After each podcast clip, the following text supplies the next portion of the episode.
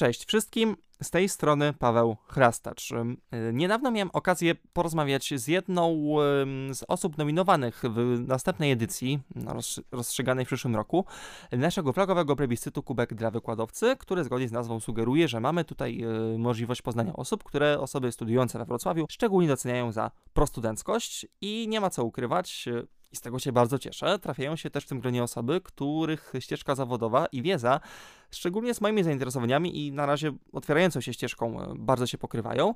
I chciałbym e, powitać e, tutaj bardzo gorąco przedstawicielkę Uniwersytetu Dolnośląskiego DSW, panią dr Karolinę Klimkiewicz. Dzień dobry serdecznie. Mam nadzieję, że ta rozmowa kubkowa nam bardzo tutaj pomogła. I liczę na to, że mm, ja jako osoba, która tutaj zajmuje się w luzie, także w tej audycji przemyślanej, gdzie to właśnie możecie usłyszeć, czy też w podcastach, no, zobaczymy właśnie, ma bardzo blisko w serduszku to, żeby o naszych relacjach, o naszym rozwoju, nieważne kim jesteśmy, mówić, mówić i mówić. E, w Pani sytuacji wykształcenie wokół nauk społecznych, e, pedagogiczne, psychologiczne, seksuologiczne itd., tak itd. Tak jest naprawdę szerokie, więc myślę, że możemy sobie tutaj upichcić taką ciekawą rozmowę w grudniu, w miesiącu, który może zwłaszcza w okresie świątecznym sprzyjać, mam nadzieję, fajnym relacjom rodzinnym i nie tylko w sumie z jaką myślą tutaj by pani rozpoczęła to? Yy, I też od razu chyba potwierdzimy, że porozmawiamy tak naprawdę o wszystkich nas. Czy będziemy mówić w tej rozmowie dziecko, czy dorosły, trochę będziemy mówić tak naprawdę i tak o człowieku, prawda? Tak, no bo wydaje mi się, że w każdym z nas jest wewnętrzne dziecko, a kiedyś to małe dziecko będzie tym dorosłym, więc wbrew pozorom te dwie przestrzenie gdzieś tam się nachodzą. Jedni są zależni od drugich i myślę, że tutaj takim punktem, no to jest właśnie chyba to słowo relacja, słuchanie się, przebywanie, bycie ze sobą tak autentycznie.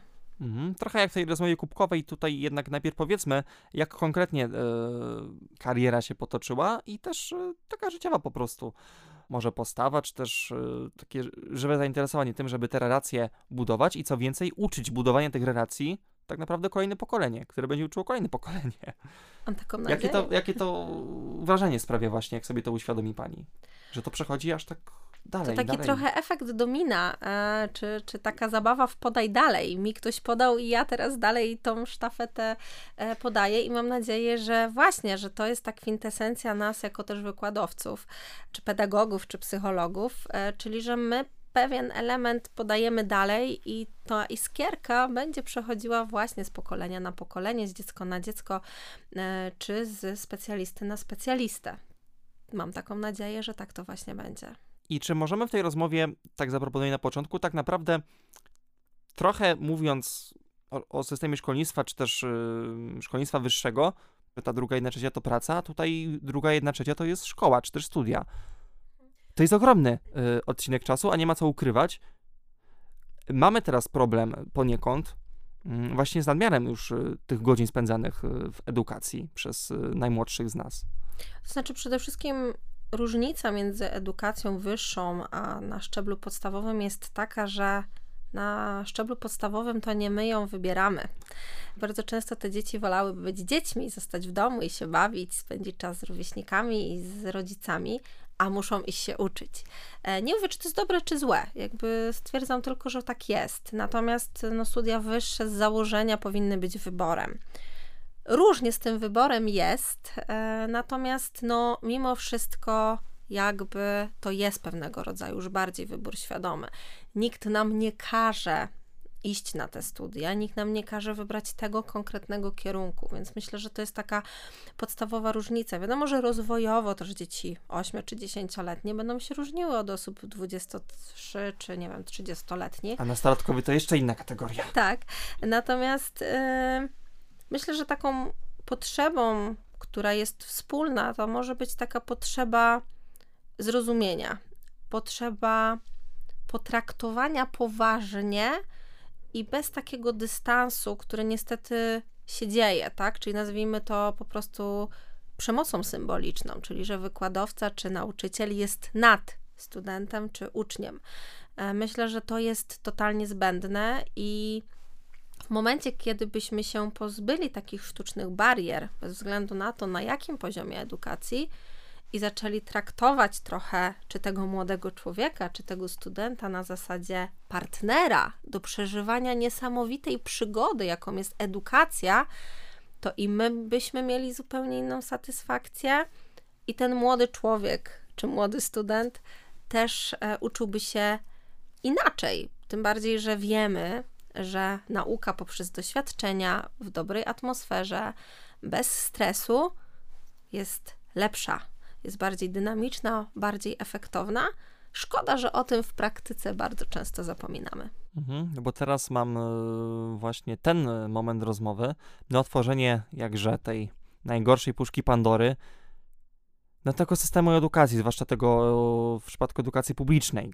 Ja nie mówię, że edukacja prywatna też nie jest e, oczywiście rozwiązaniem na wszystkie problemy. Moje koleżanki, które na przykład na Uniwersytecie Wrocławskim, e, też już kończąc go, czy już po ukończeniu, zajmują się pracą z dziećmi, często właśnie słyszę to samo, że to doświadczenie jest istotne, e, ten uśmiech dzieci, te praktyczne zadania do wykonania, no ale mamy też system. No jak to jest właśnie z tym systemem, który, no właśnie, przeszkadza, żeby takie podniosłe słowa sprzed chwili realizować i takie, i takie rzeczy? Znaczy, nie chciałam się też wypowiadać z perspektywy nauczyciela szkoły podstawowej, czy liceum, ponieważ e, w obu pracowałam, w jednej wciąż pracuję, e, natomiast jako psycholog. I moja rola, moje zadanie jest zupełnie inne niż nauczyciela. Uważam, że szalenie trudne jest wejść do systemu klasowego 25 czy 31 dwuosobowego, i zrealizować go tak, jak możemy to zrealizować właśnie choćby w szkole prywatnej, gdzie mamy na przykład dziesiątkę dzieci. Więc e, system jest trudny, ale nasi specjaliści, nauczyciele nie są wspierani w tym, żeby tą reformę i zmianę zmienić. Więc wydaje mi się, że im się też należy taki szacunek i zrozumienie, bo znam wielu nauczycieli, którzy starają się, ale mimo tego muszą przygotować do matury, muszą zmierzyć się z rodzicami, którzy patrzą tylko na oceny, którzy rywalizują między sobą. A bo dlaczego Krzysiu dostał piątkę, kiedy ledwo czyta i mój Staś też dostał piątkę? mimo że chcemy oceniania indywidualnego. Więc jakby ten system szkolny ma wiele rzeczy do poprawy i miejmy nadzieję, że w przyszłych latach tak będzie. Natomiast nie zapominajmy, że to nie chodzi tylko o program, że to nie chodzi tylko o to, żeby zlinczować tą szkołę, ale żeby podejść do tego też racjonalnie i zobaczyć, co jest główną jakby chorobą tego naszego systemu i wesprzeć tych specjalistów, którzy muszą na co dzień pracować po prostu z tymi dziećmi, bo obecnie też przy edukacji włączającej, kiedy mamy bardzo dużo dzieci z orzeczeniami o kształceniu specjalnym, gdzie nauczyciele nie są często szkoleni, przygotowywani do pracy z takim uczniem, no jest naprawdę bardzo trudne. I mi jest trudno, mimo że ja pracuję trochę jako wsparcie, a co dopiero jak się jest wewnątrz. Więc myślę, że też tym nauczycielom po prostu należy się no takie też podziękowanie, ale właśnie zrozumienie, że pewne rzeczy są trudne do zrealizowania. Mhm. Jeśli słuchają nas rodzice, to czy możemy tutaj y, zasugerować, tak zaproponować może jakieś wskazówki, jak właśnie y, powiedzmy poprawnie myśleć y, o tej sytuacji, którą właśnie mają osoby, które uczą nasze dzieci, żebyśmy na przykład jak mówiliśmy na początku o tych relacjach, tak? Jak, jak budować właśnie te dobre relacje w tym, w tym układzie, gdzie mamy osoby, które edukują nasze dzieci, nasze dzieci, no i nas rodziców. Czy da się ten, powiedzmy, trójkąt relacyjny jakoś utrzymać w ryzach? To znaczy, ja w ogóle jestem za podejściem systemowym e, i to nie ma znaczenia, czy mówimy tutaj o rodzinie, o terapii, czy właśnie o szkole. Ja uważam, że współpraca uczeń, rodzic, e, nauczyciel, dyrekcja to jest w ogóle podstawa do tego, żeby właśnie to powoli zmieniać. Jeżeli teraz rodzic pójdzie do nauczyciela z pozycją współpracującą i nauczyciel pójdzie do rodzica w pozycji współpracującym i ich wspólnym celem będzie tak naprawdę dobro tego dziecka, zrozumienie, akceptacja, postawienie zdrowych granic, to to może zadziałać. Natomiast jeżeli jedna i druga strona, bo ma na przykład trudne doświadczenia wcześniejsze, jest nastawiona już na walkę, albo atak, albo obronę, to nie jesteśmy otwarci na argumenty. I niestety w tym wszystkim wtedy rykoszetem otrzymuje to dziecko. Więc myślę, rozmowa, rozmowa i rozmowa, mimo że te rozmowy mogą być naprawdę trudne. I ja też takie trudne rozmowy z nauczycielami mojego dziecka e, przechodziłam. I oni przechodzili ze mną, i też musimy się dotrzeć, bo jednak będziemy współpracować, tak? Najpierw 4 lata, później kolejne, później w liceum, czy w szkole zawodowej, czy w technikum, więc jakby myślę, że ta współpraca jest po prostu kluczem i takie zrozumienie, empatyzowanie jednej strony e, do drugiej, na korzyść po prostu tego dziecka. I mnie właśnie ciekawi, co, co właśnie dzieci mówią w takich sytuacjach. Czy są jakieś przykłady, gdzie właśnie widać, e, w jaki sposób one się otwierają, co to może dać, jeśli właśnie komunikujemy się w taki e, empatyczny, otwarty sposób? Co, co dobrego się wtedy dzieje w dzieciach? Dzieci zaczynają mówić. a dzisiejsze dzieci bardzo rzadko mówią. Albo krzyczą, albo milczą. I się mówi często o tym właśnie, no, no to jest też temat na inną rozmowę, tym przykuciu do ekranów, że my nie rozmawiamy ze sobą i tak dalej, i tak dalej. No właśnie, jak, jak, jak, jak to wygląda naprawdę? ja myślę, że nie rozmawiamy. Problem? Ja myślę, że mówimy. Natomiast nie słuchamy tego sedna. Słuchamy tylko pobieżnie. Oczywiście, ja teraz uogólniam, bo są ludzie, są rodziny, są sytuacje, w których oczywiście jest to rozumienie, jest ta empatia, e, jest taka dogłębność w tej relacji. Natomiast patrząc na to, co statystycznie się dzieje w szkołach czy w gabinecie, no to właśnie jak przychodzi rodzic i opowiada na przykład o zachowaniu dziecka, oczywiście na początku jest diagnoza medyczna, funkcjonalna, tak, my badamy i tak dalej, natomiast później jednym nawet z pytań jest, a jak wygląda sytuacja w domu? Jak wygląda pani relacja z mężem? I bardzo często rodzice się oburzają, ale ja tu przyszłam z powodu dziecka, a nie na terapię małżeńską. Ale to, co się dzieje w domu między małżonkami, wpływa na dziecko i odwrotnie. Więc jakby znów mamy pewnego rodzaju system, który dąży po prostu do równowagi i on dąży w każdy możliwy dla siebie sposób. A trzeba wziąć pod uwagę, że dzieci mają pewne kompetencje, umiejętności dostępne dla ich rozwoju i wieku.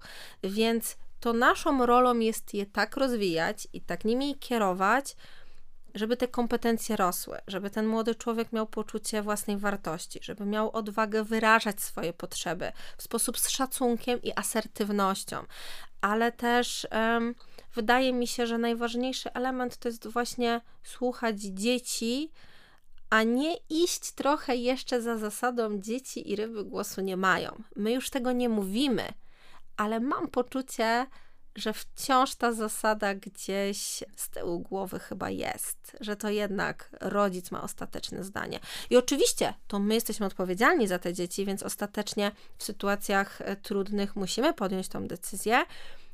Natomiast pozwólmy dzieciom też być samodzielne. Pozwólmy adekwatnie do ich wieku popełniać błędy, żeby one mogły się uczyć na nich, tak, że jeżeli dziecko mówi wyjdę bez czapki, nie wiem, ma 10 lat, weźmy tą czapkę w kieszeń, ale niech wyjdzie trudno bez tej czapki. Okej, okay, będzie mu zimno, może zachorować, to są pewne konsekwencje, ale jak my mu ją nałożymy, on i tak za rogiem ją ściągnie. Więc niech podejmie tą decyzję sam. My mu towarzyszmy w tym popełnianiu błędów. Są oczywiście błędy, na które nie możemy pozwolić na pewnych etapach, i to jest też oczywiście zrozumiałe, tak? Natomiast wydaje mi się, że takie nauka podejmowania decyzji i radzenia sobie z konsekwencjami to jest to taki rodzaj prezentu, który możemy podarować naszym dzieciom, ale też sobie. Tematu nie wyczerpiemy i też nie, nie. o to mi chodzi w tym pytaniu, ale czy możemy zasugerować jakieś rzeczy, które może warto mówić dzieciom częściej, jeśli tego nie robiliśmy? Jakieś kwestie, które może warto z nimi poruszać, żeby właśnie chciały mówić, chciały e, być żywą częścią dyskusji? Coś Kocham cię, jestem dumny. To są chyba takie podstawowe słowa. A nie zawsze się o nich pamiętam. Tak, tak. Wiadomo, że to też musi być jakaś spójność, czyli e, to nie może być na zasadzie kocham cię z nerwem w głosie. E, tak, bez kontekstu, bo, tak. bo dziecko to wyczuje. Natomiast myślę, że pytajmy. Więcej pytajmy. My, e, szczególnie my Polacy, tak, e, mamy taką manierę zadawania pytania i rozwiązywania swoich własnych problemów. Pozwólmy znów dzieciom na proponowanie rozwiązań. I to jest chyba taka podstawa, którą ja robię ze studentami na pedagogice, jak robimy właśnie scenki. E, I pierwsza taka scenka to jest grupa, w której właśnie przyszła pani socjoterapeutka potencjalna lub pedagog ma przeprowadzić zajęcia. I nagle się okazuje, że ona tak mocno jest zafiksowana na tym, że musi zrobić te zajęcia, że mimo, że grupa manifestuje, że ten ma problem w domu, a ten się źle czuje, a ten doświadcza przemocy, to ona nie, ona leci z tematem, bo jej celem jest przejście tego tematu. I my trochę w domu robimy to samo. My, nie wiem, proponujemy dzieciom, dobrze, to stroimy choinkę, a przy tej strojeniu tej choinki wychodzą dramy, kłótnie i coś, co miało być fajne i przyjemne, nagle staje się dramatem, tylko dlatego, że rodzic nam każe, a my może nie mamy na to ochoty. Więc wtedy się zatrzymajmy i zapytajmy, okay, nie choinka to co? Albo jeżeli nie choinka, to dlaczego? Albo jaką ty masz potrzebę, jaką ja mam potrzebę. Porozmawiajmy o potrzebach, bo być może jest tak, że mamy tą samą potrzebę, ale pomysł na jego realizację mamy inną. Może nie choinka, a światełka. Może nie światełka, a łyżwy. Ważne, żeby być razem w tym wszystkim, a nie narzucać też naszego punktu widzenia, bo to, że on jest nasz, wcale nie znaczy, że najlepszy na świecie. Też jestem ciekaw, czy możemy coś powiedzieć na temat tego, jak właśnie dzieci z dziećmi mogą nawiązywać w fajny sposób relacje. Czy możemy tutaj wskazać jakieś przykłady, jak y, właśnie te relacje rówieśnicze? Tutaj może przejdźmy bardziej do tych już nastoletnich lat y, trochę naszego rozwoju, mamy statystyki, że no, bardzo poważny problem prób samobójczych wśród tej grupy wzrasta, jeśli chodzi o Polskę. Samopoczucie i, i zdrowie psychiczne tej grupy też y, mówi się, że od okresu pandemii mogło się i są, są też na to badania, no jednak trochę pogorszyć. Jak jednak tutaj ująć może już tę bardziej nastoletnią grupę w tym wszystkim. O tej grupie tych liczę już za kilka lat tutaj osób, które będę mijał y, na, na kampusie Politechniki czy przy innych uczelniach. Oby. Chociaż to też nie jest obowiązek, bo studia, pamiętajmy, też nie są obowiązkiem. E, to znaczy, no to jest bardzo trudny temat i, i w ogóle zaburzenia depresyjne czy lękowe faktycznie obecnie są bardzo dużym problemem. Myślę, że relacje jak najbardziej tutaj są do poprawy, ale wydaje mi się, że tak jak zresztą już Pan powiedział, no pandemia i izolacja zrobiły swoje i to są skutki, których nie wiem, czy ktoś nie przemyślał, e, czy po prostu no, musiało być tak, jak musiało. E, trudno mi jest to oceniać, e, natomiast to jest bardzo duży problem. Bardzo duży problem jest z abstencją w szkole, bardzo duży problem jest z właśnie samookaleczaniem się jako formą odreagowywania i rozładowywania napięcia dzieciaki niby mają bardzo dużą otwartość i taką swobodę, a z drugiej strony mam poczucie, że czują się jak w klatce, że nie mogą być sobą, że bardzo się obawiają takiej oceny, krytyki, że być może były chowane trochę w takim kloszu i nagle ta pandemia to był dla nich taki kryzys, że niektóre nawet mają objawy stresu pourazowego. Więc myślę, że to jest bardzo poważny temat i jeszcze wiele, wiele lat będziemy żniwa tego jakby zbierać.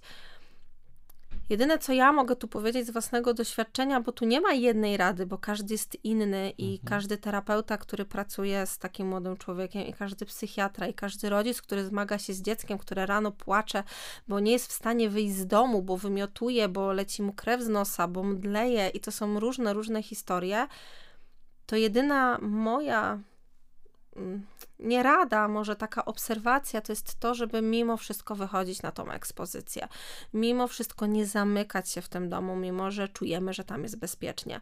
Mimo wszystko starać się nie przechodzić na tą edukację domową. I teraz, żeby też było jasne, ja nie jestem przeciwniczką edukacji domowej samej w sobie. Natomiast z mojej obserwacji wynika, że jeżeli ktoś przechodzi na edukację domową jako ucieczkę właśnie w, y, przy zaburzeniach depresyjnych i lękowych, to te zaburzenia wzrastają. Więc jedyne co mogę, to przy wsparciu psychiatry i psychologa, przy terapii całej rodziny, bo uważam, że tutaj wtedy cała rodzina potrzebuje takiego wsparcia, powolutku, powolutku wracać do tego świata, wychodzić na tą ekspozycję, zobaczyć, że te lęki są trochę w naszej głowie, że one nas nie zabiją i że to w nas jest ta siła do zmiany.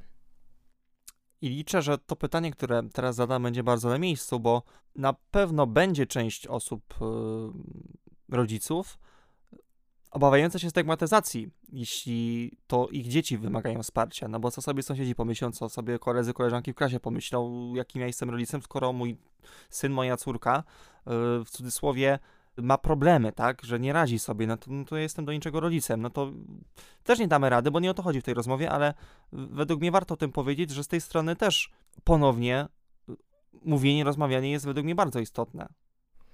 Tak, rozmawiać, rozmawiać, jeszcze raz rozmawiać, a wręcz, może teraz to co powiem będzie takie kontrowersyjne, ale czasami jak przychodzą rodzice i właśnie mają wątpliwości, tak? E, czy to już jest ten moment psychiatry, czy to jest ten moment terapii, właśnie co ludzie powiedzą. Albo co ja o sobie po, będę Albo myślał właśnie, jako rodzicu. to ja pytam, no dobrze, a gdyby y, pani czy pana syn, córka mieli złamanie otwarte albo guza mózgu, to też nie poszedłby pan do specjalisty, bo to wstyd chodzić z, na przykład ogoloną głową? No nie, bo to inna sytuacja. Wie jaka? To i to jest chorobą, to i to jest śmiertelną chorobą. Więc mamy wybór, albo możemy zawalczyć o tego młodego człowieka i zobaczyć go być może za kilka lat szczęśliwego, właśnie może na studiach, może w pracy, może za granicą, e, może z żoną, mężem, nie wiem, kochankiem, kimkolwiek, albo na cmentarzu. I niestety to są realne historie. To są realne historie rodziców, którzy czasami, i to nie jest obwiniające, bo za tymi ich decyzjami też jest lęk. To nie jest decyzja na zasadzie, o ja chcę źle dla swojego dziecka. To jest pewnego rodzaju lęk i wybór, który być może w tym momencie wydaje im się dobry, a nie mają na tyle siły, a może wsparcia społecznego, a może właśnie wsparcia szkoły, więc wybierają taką, a nie inną decyzję, ale niestety trzeba to powiedzieć głośno. Depresja i zaburzenia lękowe są chorobą śmiertelną i mogą doprowadzić do samobójstwa. Dlatego musimy ją leczyć tak jak każdą inną chorobę zagrażającą życiu i zdrowiu.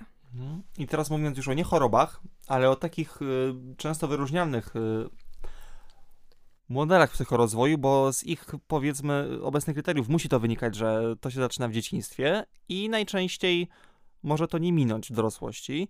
To jest ten temat, który często poruszałem na antenie, ale nie zawsze z perspektywy dorosłej, czyli neuroróżnorodność ta moja ukochana. E, neuroatypowość, czyli osoby, które e, tak jak ja, tak naprawdę od początku są ADHD-owcami, czy też mogą mieć spektrum autyzmu, czy jedno z drugim, czy dyskalkulię, dysortografię, dysleksy, kilka innych rzeczy, które się w tych jednostkach łapią, zespół Tereta i tak dalej, i tak dalej. Ale tutaj nie chodzi w sumie o same jednostki w tej rozmowie, ale żeby też właśnie z tej strony y, powiedzieć właśnie, że tu też po pierwsze słyszę często obawy, yy, że często rodzice, kiedy okazuje się, że to może być yy, ich dziecko, też się często boją zderzenia, że też będzie jakaś łatka, że o, no, mam dziecko na spektrum autyzmu, co, co, co to dla mnie oznacza? A też często niestety nie mieliśmy źródeł edukacji na ten temat, bo, bo tej edukacji za dużo nie było. Nawet jeśli chodzi o takie specjalistyczne kierunki, czy też na przykład psychologię.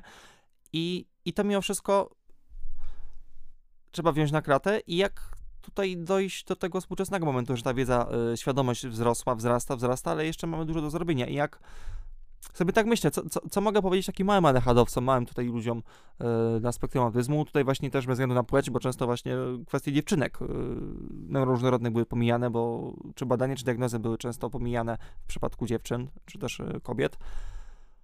Co możemy powiedzieć takim mniejszym neuroróżnorodnym w tej rozmowie, czy też młodzieży, która na przykład się dowiaduje, mm, no na przykład już w okresie licealnym, tak, yy, że często rzeczy, które w nas są i ich nie rozumiemy, czy też nasza rodzina, nasi znajomi tego nie rozumieją, czy też osoby, które nas uczą, no mogą mieć źródło w tej neuroróżnorodności. Jak z tego wszystkiego wybrnąć? Jednak bez zbędnego szufladkowania i pokazywania, że, że jesteśmy różni, czego się możemy wszyscy nauczyć właśnie o tej naszej różnorodności na podstawie tej naszej grupy. Nie, nie do końca nawet wiadomo konkretnie ilu procent z nas, bo te badania się mogą jeszcze e, trochę pozmieniać, jeśli nauka się rozwinie. No właśnie, jesteśmy różni i to jest piękne. E, I myślę, że to jest kwintesencja wszystkiego. Ja myślę tak, wszyscy mamy skrzydła, tylko każdy w innym kolorze. I to, co musimy zrobić, to nie bać się ich pokazać światu i po prostu polecieć. I ja wiem, że to może brzmi tak trochę patetycznie i poetycko, ale ja sama jestem mamą małego, e, szybkiego e, ADHD-owca.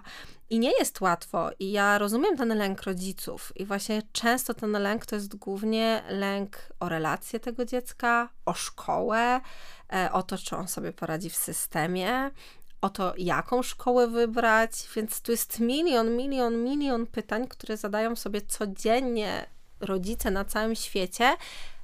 A tu jeszcze dochodzi ten element tej różnicy, tak? Natomiast ja myślę, że to jest po prostu dar patrzenia trochę inaczej na świat. I ja wiem, że może to tak dziwnie brzmi, no dar, ale taki trudny, ale chyba właśnie w tym, że on jest taki trudny, jest tak wyjątkowy. Jest ukryty, bo mam poczucie, że jeżeli rodzic dziecka z jakąkolwiek niepełnosprawnością, czy różnorodnością, czy nie wiem, jakimś deficytem, bo też mamy nie, niepełnosprawności fizyczne, tak, które widać na przykład. Albo często też na przykład cukrzyca typu pierwszego jest właśnie, no teraz najczęstszą chorobą wykrywaną wśród dzieci. Dokładnie, więc to w pewien sposób utrudnia jakoś funkcjonowanie, no nie ukrywajmy. Ale myślę, że jeżeli pogodzimy się, przyjdziemy trochę żałobę mm, za tą normalnością, którą utraciliśmy, to możemy się tym cieszyć. To to, że nasze dziecko w wieku 4 lat powie pierwsze słowo, jest po prostu niesamowitym sukcesem. To, że chodzi, mimo że wszyscy lekarze mówili, że to jest niemożliwe, będzie niesamowitym sukcesem to, że właśnie osoba, która w szkole, nie wiem, miała dwójki albo uczyła się, uczyła, uczyła, szła na sprawdzian i nagle po prostu wszystko wyleciało i dostaje jedynkę, osiągna swój sukces, czy to w sporcie, w muzyce, czy właśnie choćby w radiu, tak? Więc jakby to, że te dzieci mają pasję, zainteresowania, że są ciekawe, że przekraczają te swoje własne granice, to jest tak niesamowicie piękne. No ja na przykład ostatnio miałam sytuację, że podszedł do nas e, nauczyciel wspomagający mojego syna, wziął mnie na bok i mówi, Pani Karolino, ja nie wiem, co się zadziało, ale Wojtek był dzisiaj taki po prostu niesamowity, tak się skoncentrował, sprawdzian z matematyki oddał pierwszy, notabene szóstkę z niego dostał, w ogóle nie zrobił błędu, więc w ogóle nauczyciele już, e, którzy właśnie widzą go na przykład takiego szybkiego, pobudzonego i on nagle wejdzie trochę i się skoncentruje, to już świętują. I to jest właśnie to piękne. I on przyszedł taki uskrzydlony, mamo, bo pan Grzegorz, zresztą pozdrawiamy, tak, bo on mnie wziął na bok, już myślałem, że coś zrobiłem, a on mi dał takiego dobrego kopa, on mnie pochwalił, on to zobaczył, tak, że ja się starałem. Więc myślę, że dostrzeżenie tych małych postępów, dostrzeżenie tego, że te nasze dzieci są po prostu wojownikami, niesamowitymi. To jest chyba największy dar, jaki e, możemy im dać. I mówię to też jako naprawdę głęboka dyslektyczka, więc, więc wiem, jak to jest przejść ten system e, no, edukacji, nie będąc wbrew pozorom najlepszym. Mhm. Ja mam taką konkluzję e, wokół tych rozmów częściej dorosłych osób różnorodnych, że to się wszystko sprowadza w sumie do jednego, że, że chodzi o nas wszystkich, tak? Nieważne, czy my się łapiemy na te diagnozy, czy nie, bo żyjemy w jednym społeczeństwie, tworzymy jedne rodziny, jedne relacje, no i o cóż innego nam nie chodzi niż o po prostu relacje bez barier, bez podziałów. Nieważne, nieważne z kim, nieważne kiedy. Najważniejszą potrzebą człowieka jest potrzeba e, bliskości i jakby takiej akceptacji, potrzeba bycia, tak? Więc myślę, że każdy z nas ją ma. Może każdy potrzebuje inaczej ją zaspokoić, ale to jest też piękne. Myślę, że jakbyśmy byli wszyscy na jedną kalkę, to świat byłby szary. Więc nie bójmy się też tej różnorodności. Nie bójmy się tego, że każdy z nas spogląda na świat inaczej bo też bardzo często jest tak, że te osoby neuroatypowe mają, mm, tak nazwijmy, zaburzenia integracji sensorycznej, tak? A ja to nazywam, że odczuwają inaczej, często głębiej, mocniej. E, I tak, w naszym przebodźcowanym świecie dla tych dzieci jest to trudne. Ale w momencie, kiedy one się wyciszą, kiedy znajdą taką przestrzeń dla siebie, to mogą nagle nam pokazać rzeczy, których my e, po prostu nie dostrzegamy, kolory, których my nie widzimy, dźwięki, które dla nas w ogóle nie istnieją. Więc szukajmy po prostu tego piękna ukrytego głęboko, bo głęboko i czasami trudno, e, bo czasami są bardzo trudne dni. Ale myślę, że ten uśmiech, całus, mamo, kocham cię, czy właśnie małe sukcesy, ojej, udało mi się, są warte po prostu tego wszystkiego i cieszą. Oj, naprawdę cieszą. To trochę mi brzmi, żeby konkluzją tej rozmowy było właśnie celebrowanie. Tak. Tak, cieszmy się z drobnych rzeczy, naprawdę. Ja na przykład nie oglądam telewizji. E, jakieś tam programy, seriale, filmy, ale w ogóle nie oglądam wiadomości, nie oglądam telewizji.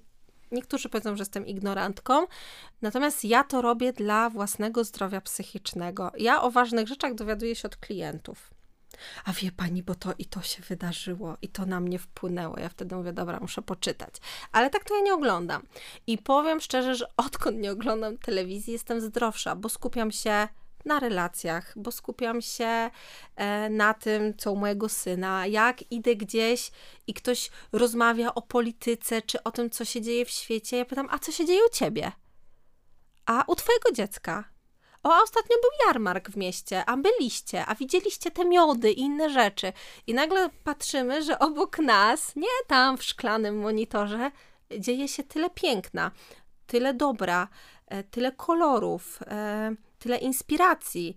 I w momencie, kiedy zaczynamy mówić o tych dobrych rzeczach, to myślę, że też wysyłamy taką pozytywną energię. I tu nie chodzi o to, żeby nie dostrzegać złych rzeczy, ale bardziej je dostrzeżmy po to, żeby znaleźć sposób rozwiązania, a nie po to, żeby fokusować się e, na tym, co nam to zabiera. I oczywiście znów nie chodzi o to, żeby nie odczuwać smutku, złości, frustracji. Czujmy, czujmy to, ale przekażmy to dalej, czyli pójdźmy, przytulmy się do kogoś, tak? E, nie wiem, zadzwońmy do koleżanki, czy nawet introwertycy jeżeli nie mają aż takiej potrzeby ekspozycji tego, to komuś zasygnalizujmy: Słuchaj, teraz będę miała gorszy czas, potrzebuję chwilę spokoju, ale myśl o mnie na przykład, tak? Więc jakby bądźmy w tych relacjach, interesujmy się tym, co się dzieje u osób na, bliskich.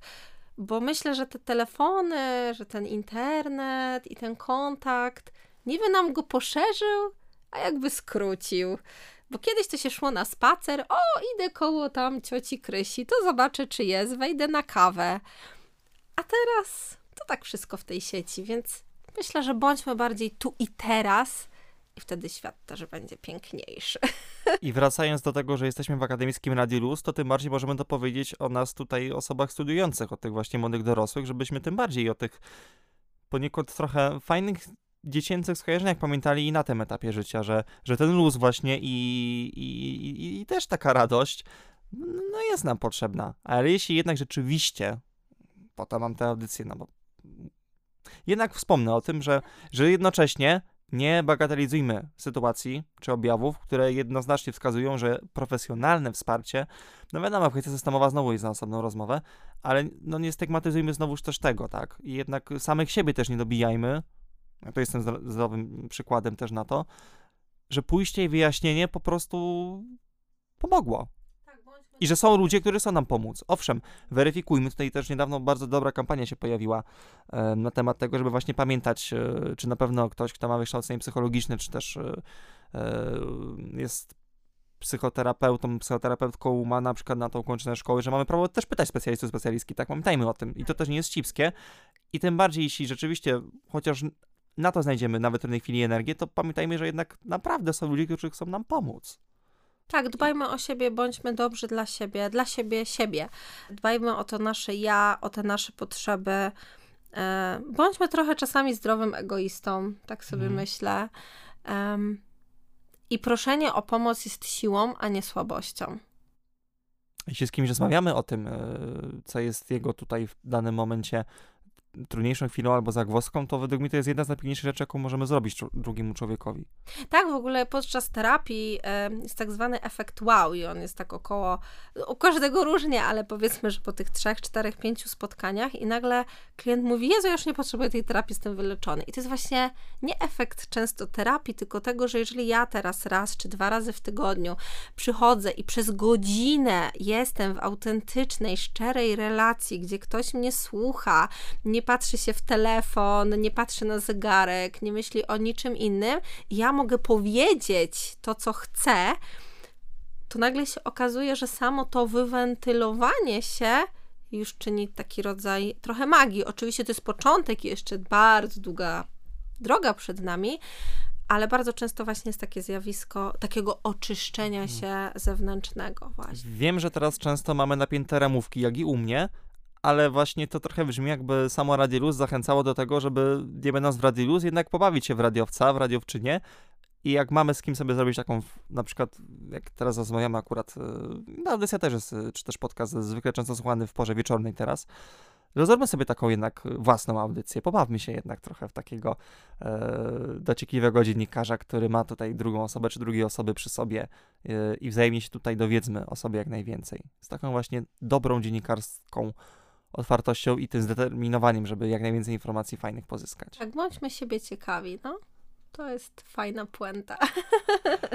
I mam nadzieję, że i w pracy tutaj i spotkaniach z ludźmi, którzy decydują się na studia pedagogiczne, będzie tutaj miała Pani e, bardzo dużo dobrego jeszcze przed sobą. No i wiadomo, tak jak i w tej właściwej kubkowej rozmowie życzymy tutaj jeszcze raz w imieniu całego radia i wszystkich z nas słuchających, zakładam też, wszystkiego, wszystkiego dobrego. No i tych relacji, żeby nam w życiu po prostu dobrych nie zabrakło, bo to rzeczywiście jest, jest istotne i w sumie ta moja audycja ma chyba ten główny cel, żeby uświadamiać to, że wszystkiego nie możemy, ja nie będę ukrywał, na, na tym świecie czasem jednak zrobić, ale, ale możemy wystarczająco dużo zrobić, żeby to naprawdę zrobiło różnicę. Tak, zacznijmy od swojego podwórka. I siebie. I siebie, dokładnie. Dziękuję bardzo. Ja również dziękuję i liczę na to, że być może też inne ciekawe osoby, tak jak już powiedziałem na początku kubkowej rozmowy z moją obecną uczelnią, czyli z DSW, Uniwersytetem Dolnośląskim związane się może tutaj pojawią. Zobaczymy, może to będzie taki dobry pierwszy początek, bo e, o, miałem akurat jednego gościa, ale mm, to już było jakiś czas temu, więc może czas na więcej odwiedzin tej zachodniej części Wrocławia. Tam też i się fajnie ludzie edukują, kształcą. Nie ma co ukrywać. Na to liczymy i na to stawiamy. Tak jest. Dziękuję jeszcze raz za spotkanie. Z wami Dziękuję był bardzo. Paweł Chrastacz i gościni, która tutaj bardzo ciekawie nam zajawiła temat dbania o relacje u dzieci młodzieży, dorosłych, wszelakich odmian. Była to dr Karolina Klimkiewicz. Dziękuję ślicznie za odwiedziny Radia Luz. Dziękuję za zaproszenie.